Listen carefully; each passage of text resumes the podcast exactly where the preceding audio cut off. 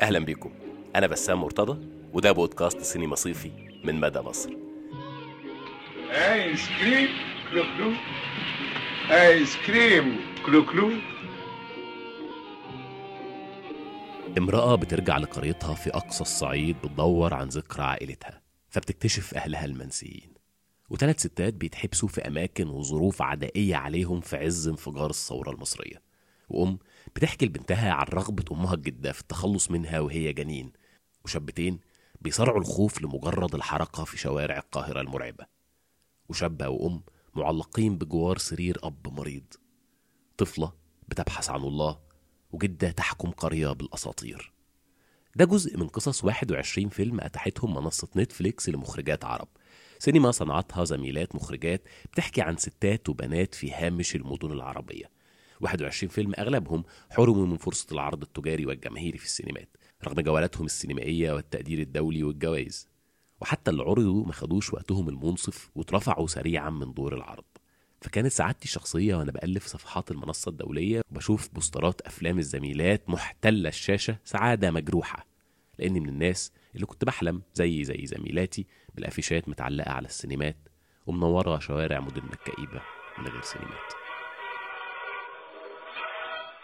في الحلقة دي هنسمع أصوات ثلاث مخرجات من اللي أفلامهم أتيحت للعرض العام على نتفليكس. هنسمع من هالة جلال ماجي مرجان ومنال خالد. بيحكوا عن صعوبات الإنتاج اللي واجهوها كمخرجات في تنفيذ مشاريع أفلامهم. عن السنوات الطويلة في انتظار فرص دعم عن السنوات الأطول في انتظار فرص عرض. عن إزاي بتشوفهم صناعة السينما التجارية وعن صناعة أفلام عن النساء وعن صوتهم المهمش وعن احتلالهم الهامش في الشهور الأخيرة. الحلقة دي مهداة للصحفيات المصريات العزيزات رنا ممدوح بيسان كساب وسارة سيف ولينا عطل. فاسمعونا في حلقة جديدة من سينما صيفي من مدى مصر.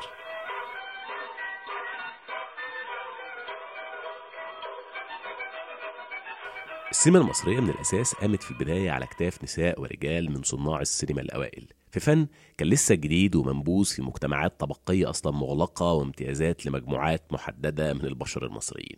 امتيازات التضحية بيها كان مغامرة كبيرة جدا وده كان نفس السياق العالمي. في بداية القرن العشرين في 1910 أماكن زي مسارح المنوعات والسيرك ابتدى جمهورها ينخفض في ألمانيا وبعض الدول الأوروبية ودور السينما اللي لسه بتحاول تبني علاقة مع جمهورها بقى عندها سمعة سيئة باعتبارها مركز لتجمع الشباب والبياعين والعواطلية والمتسكعين وأصحاب المهن الأدنى في السلم الاجتماعي من العمال ومأوى للمعدمين وده مذكور في كتاب من كاليجاري لهتلر دراسة حول تاريخ السينما الألمانية.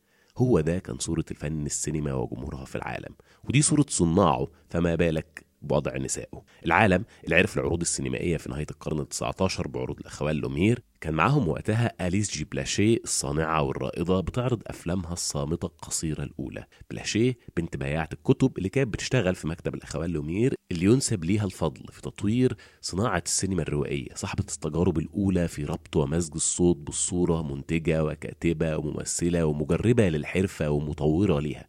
قبل ما تنتقل لأمريكا وتبدأ رحلة الخسائر. والنسيان. ده السياق العالمي اللي بيعاد ويقرر ويمشي معاه بأوقات بالتوازي نفس مغامرة ومجازفة عزيزة أمير اللي أنتجت أول فيلم روائي طويل في تاريخ السينما المصرية فيلم ليلى سنة 1927 وفاطمة رشدي وبعدها بهيجة حافظ اللي ألفت أول موسيقى تصويرية للأفلام في مصر واللي خدوا مغامرة الإنتاج السينمائي والتمثيل والمونتاج والإخراج في بداياته وسط كل التمييز اللي كان بيحصل على العاملين في الفن الجديد تحديدا من نساء ووصمهم منال خالد المخرجة المصرية أخذت نفس مغامرة الإنتاج في فيلمها الروائي المعروض حديثا على نتفليكس.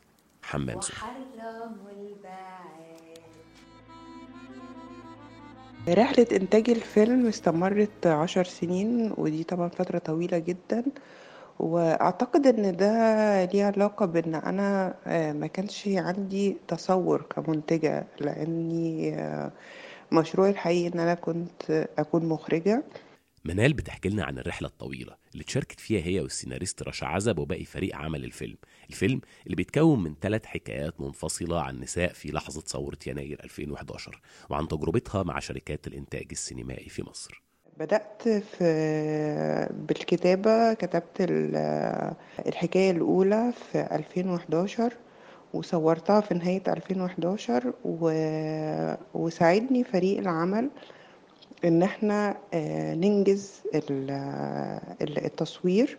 وبعدها كان آه، كتبت رشا معايا الحكاية التانية والتالتة. حكايتين ال- التانية والتالتة كانوا صعب إن أنا أنفذهم آه، بمجهودي الذاتي أو بمجهود الفريق اللي بيشتغل على المشروع. فكانت الفكرة إني لأني جاية من خلفية سينما تجارية إن أنا فكرت إني أتجه آه، ناحية شركات آه، إنتاج علشان تكمل معايا المشروع.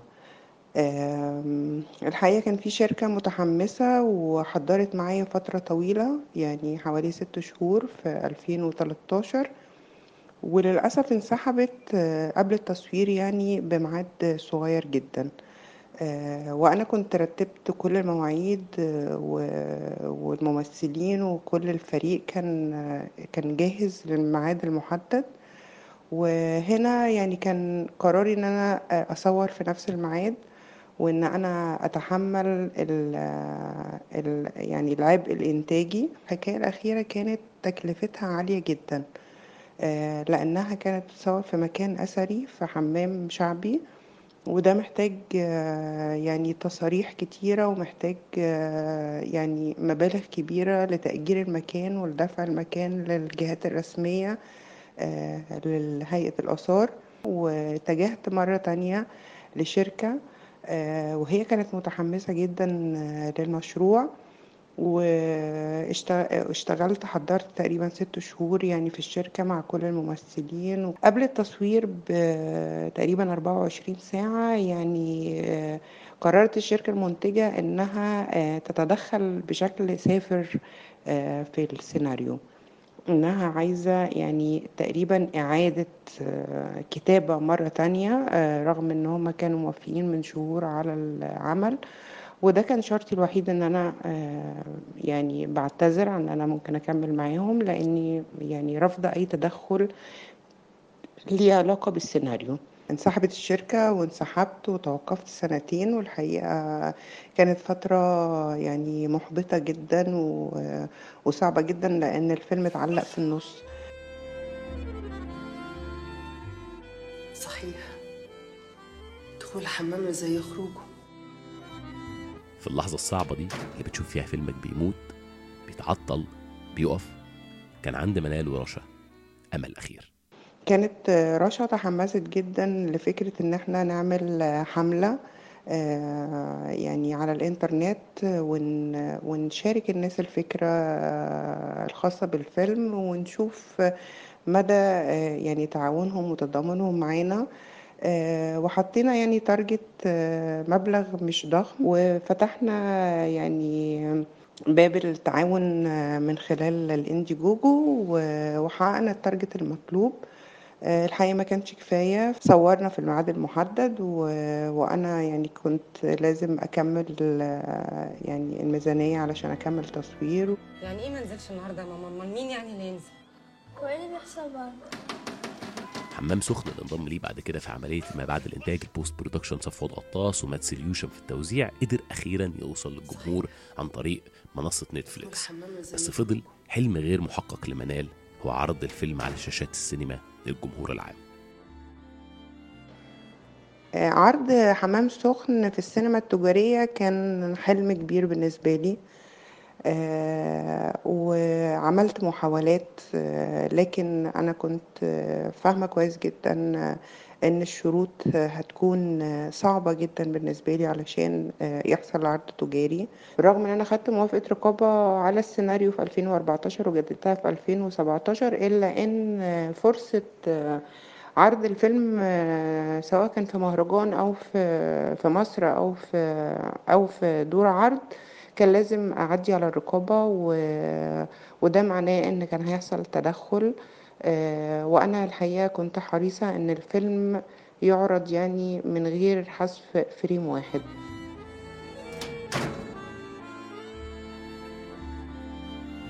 في صغري اتعرفت على السينما التسجيلية بعد ما شفت فيلم إلى أين بالصدفة للمخرجة نبيهة لطفي. المخرجة اللبنانية اللي اتخرجت من الدفعة الأولى في معهد السينما في مصر سنة 1964 نبيهة لطفي عطيات الأبنودي كان هم طريقي لمعرفة فن امتهنته أنا بعد كده بسنين.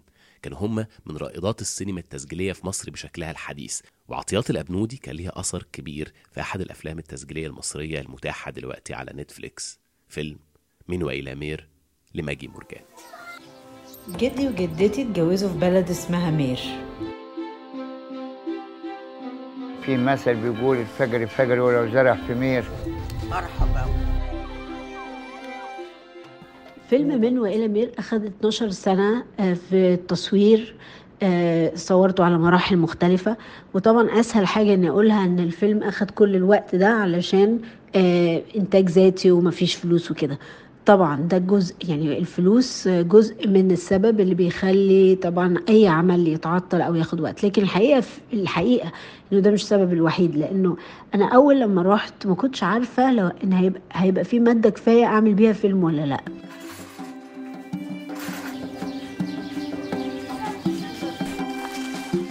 اشمعنى يا مزمزة الناجي مش جاي بلدنا وتصوري ليه يعني أنا أول ما صورت من 12 سنة خدت كتير قوي عملت مونتاج من اللي كنت صورته وقتها وخدت المادة دي وقعدت مع الأستاذة عطيات الأبنودي الله يرحمها في بيتها في مدينة نصر وكانت يعني اتفرجت معاها الفوتج وهي اللي نصحتني استنى. قالت لي يعني استني شوية يعني صوري تاني. أنا وقتها كنت حاسة لسه هصور تاني ما كنتش عارفة إنه إن ده في صالح الفيلم لأن لما بنتابع حياة ناس يعني حياتنا بتاخد وقت يعني. في أماكن دراسة السينما المحدودة جدا في مصر عندنا أقسام كتير بتقبل عدد نساء قليل جدا وده بقى حكم العادة وحكم العرف منهم مثلا قسم التصوير. بسبب روايات إن دي شغلانة صعبة محتاجة مجهود بدني ومحتاجة كمان راجل يروح أي مكان ويعرف يسلك بالكاميرا. معرفش إيه محل الكلام ده من الإعراب لما تسمع من مخرجة بتروح أقصى الصعيد وبتقرر تصور فيلمها هناك. مخرجة ست تروح مكان جديد عليها وبيئة طبعا محافظة ومغلقة ومختلفة جدا عن القاهرة وكمان معاها كاميرا. ف... فطبعا ما كانش ده أسهل حاجة. لكن أنا لازم أقول إن يعني الناس من 12 سنة فعلا فعلا زي ما بقول في الفيلم كانت بيوتها وقلوبها مفتوحة وكان في نوع من الثقة لأنه يعني أنا من أصولي من البلد دي فلما بقول مثلا جدي جدي فلان الفلاني يعني اوتوماتيكلي كده بيبقى فيه شوية ثقة آه، من غير ما الناس بت يعني من غير ما يكونوا عايزين وقت طويل عشان يعرفوني وهكذا. لكن كمان آه، واحدة من الحاجات اللي لازم أقولها إنه يعني مش عارفة أعبر عن ده إزاي كويس بس في كيمياء بين الناس وبعض وفي كيمياء بين الناس والأماكن وأنا بالنسبة لي الكيمياء دي حصلت. يعني أنا النهاردة وأنا سايقة العربية راجعة بيتي كنت بحس إنه في حاجة بحسها لما ببقى في مير في الصعيد في المكان ده ما بحسهاش في حتة تانية بالرغم من إن أنا عمري ما عشت هناك ولا مامتي عاشت هناك ولا جدتي يعني عاشت هناك كتير. بس في نوع من الارتباط كده بالمكان و... و... وأنا حاسة إنه بيبقى كمان ارتباط بالناس.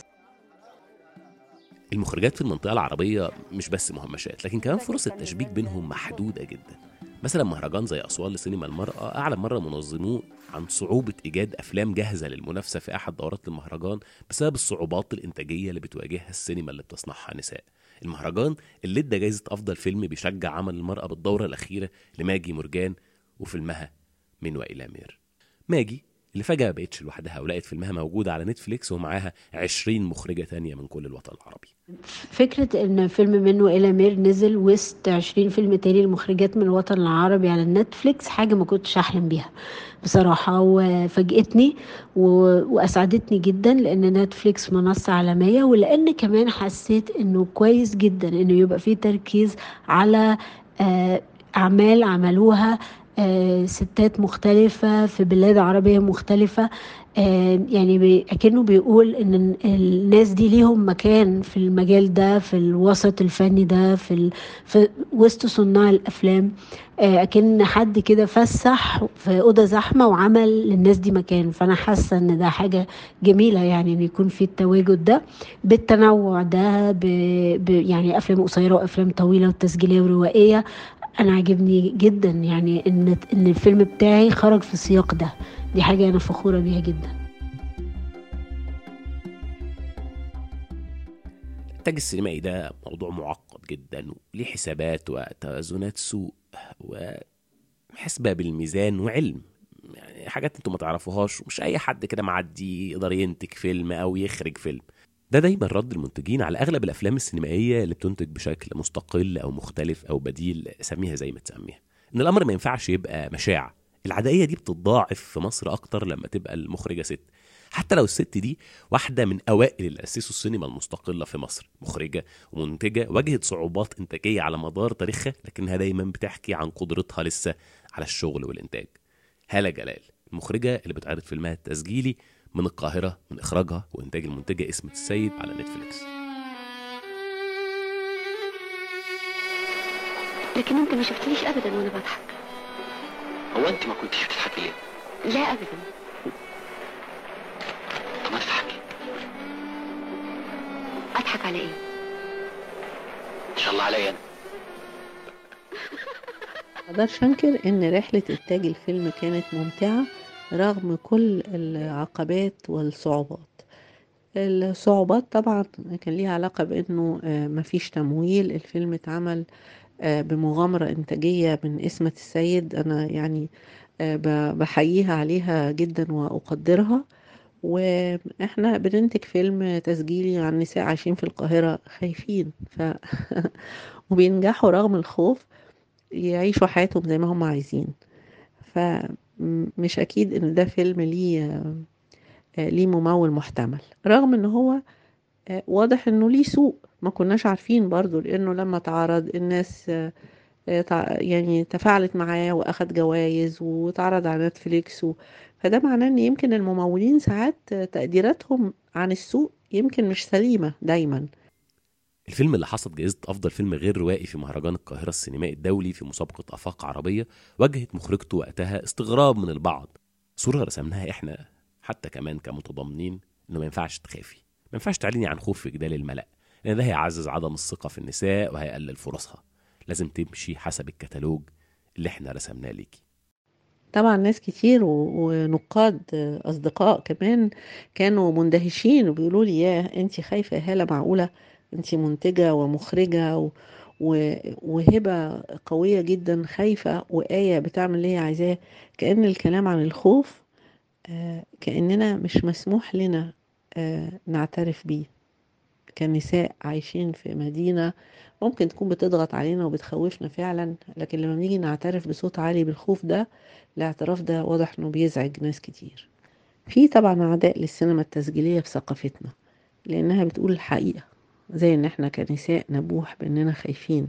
ده مش سهل إن الناس تسمعه وتتعايش معاه أو تتعامل معاه وتعترف إنه موجود. و... وأنواع تانية من السينما التسجيلية. السينما التسجيلية هي حكي عن آه، حقيقة مشاعرنا وأفكارنا.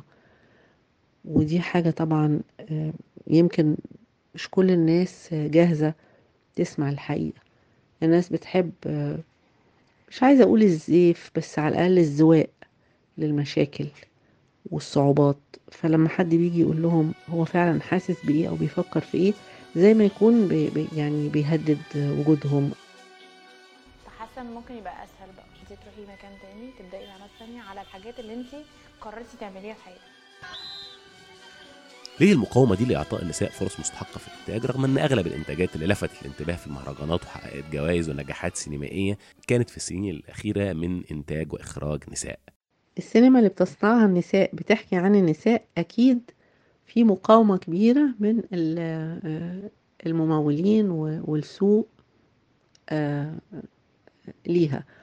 ومش بس كده يمكن كمان أي سينما بتحكي عن أوضاع حقيقية وعن النفس البشرية والألم الحقيقي الإنساني. آه، زي ما يكون كده آه، آه، محتاجين نشوف أفلام تكون بتزوق ال- الواقع عشان محدش يواجه نفسه بالحقيقة. بس أنا عايزة أقول إن الجمهور تفاعله مع السينما دي قوي وحقيقي كأنه يعني محتاج يشوف قصة حقيقية حتى لو هي مش مطابقة لقصته. فأنا أظن إن يعني حراس البوابات أو الناس اللي بياخدوا قرارات في التوزيع والإنتاج والتمويل آه، خايفين من حاجة ما تخوفش. منال خالد بتحاول ترد على السؤال ده بخبرة سنين طويلة في السينما التجارية. آه، أنا اشتغلت 20 سنة كمساعد مخرج آه، في ال- في السينما التجارية. يعني تقريبا اشتغلت مع ثلاث مخرجات يعني على مر 20 سنة.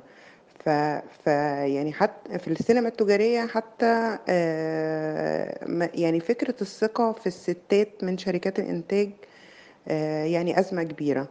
آه، أزمة كبيرة ليها علاقة بمفاهيم خاطئة ليها علاقة بتصور ذكوري يعني إن إن المخرج هيكون يعني أكثر جدية أكثر التزاما ويعني أكثر مسؤولية علشان تقدر شركة الإنتاج إنها آه، تسلمه يعني عمل ب budget كبير.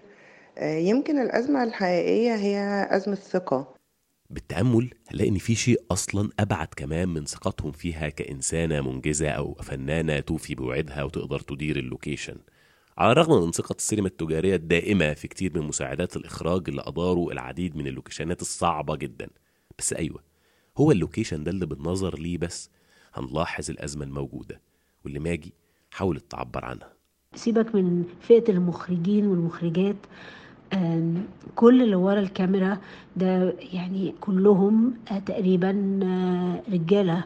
فده بيخلي آه، الموضوع يعني لما واحدة بتشتغل مخرجة من غير ما تعوز من غير ما تبقى قاصدة تعمل ده هي في, في وسط المجتمع بتاعها بتعمل statement مش دايما بيبقى الواحد عايز يعمل statement بتبقى انت عايز تعمل فيلم. بس آه، ساعات لما انت بتشتغل أو حد واحدة ست تشتغل في مجال أغلب الناس اللي فيه رجالة مش بقول إن حد بيضايقها في بعض الناس بتتضايق من الناس وبيحصل طبعا incidents وفي حاجات كتير صعبة على البنات بس حتى لو كل ده ما حصلش والدنيا المية إيه، لما واحد يبقى واحد وسط كرو في خمسين واحد في بنتين آه، غريبة. يعني ده ده رأيي بس يعني و- وأتمنى إن ده يتغير. أتمنى اللي ورا الكاميرا يبقى عدد الناس اللي بتشتغل يبقى فيهم نساء أكتر. كتير من أزماتنا بنتناقش كأنها لسه حاصلة أول امبارح. نبكي على زمن كانوا فيه النساء من الرواد والعظماء ونتجاهل ببساطة تاريخ من التنكيل بالصانعات دول وإفلاسهم وإجبارهم على الانسحاب. مين هنا بيحكي على تواطؤ الدولة ضد فيلم بهيجة حافظ ليلى بنت الصحراء؟ وسحبه من السوق وتعويضها بأرقام أقل جدا. وعلى كم الخسائر اتعرضت لها؟ مين هنا بيتكلم عن مصاير مأساوية لكل الرائدات تقريبا؟ منال وماجي وهالة هم وباقي زمايلهم بيواجهوا من بداية السينما محاولات للإبعاد والتهميش لكنهم بيكملوا ويحاولوا وينجزوا أفلامهم ويفرضوا رواية مختلفة في التاريخ. ما ينفعش تتشاف في صورة وردية من نوع خطب التنمية البشرية. ما ينفعش يتشال منها التنكيل وإحنا بنحكيها علشان تبقى ملهمة. بالعكس إلهامها في كم الصعوبات اللي واجهوها. ورغم كل ده لسه بنشوف أفلام بتوقيع عزيزة وبهيجة وعطيات ونبيهة ومريان ونادين وسلمى وهبة وأيتن ومي وهالة وندى وعايدة وغيرهم وغيرهم وغيرهم. عن مخرجات في لحظة احتلوا الهامش. استنونا في حلقات جديدة من سينما صيفي من مدى مصر. ولو فاتتكم الحلقات اللي فاتت نحب قوي ترجعوا تسمعوها وتتونسوا بينا ومعانا. سلام.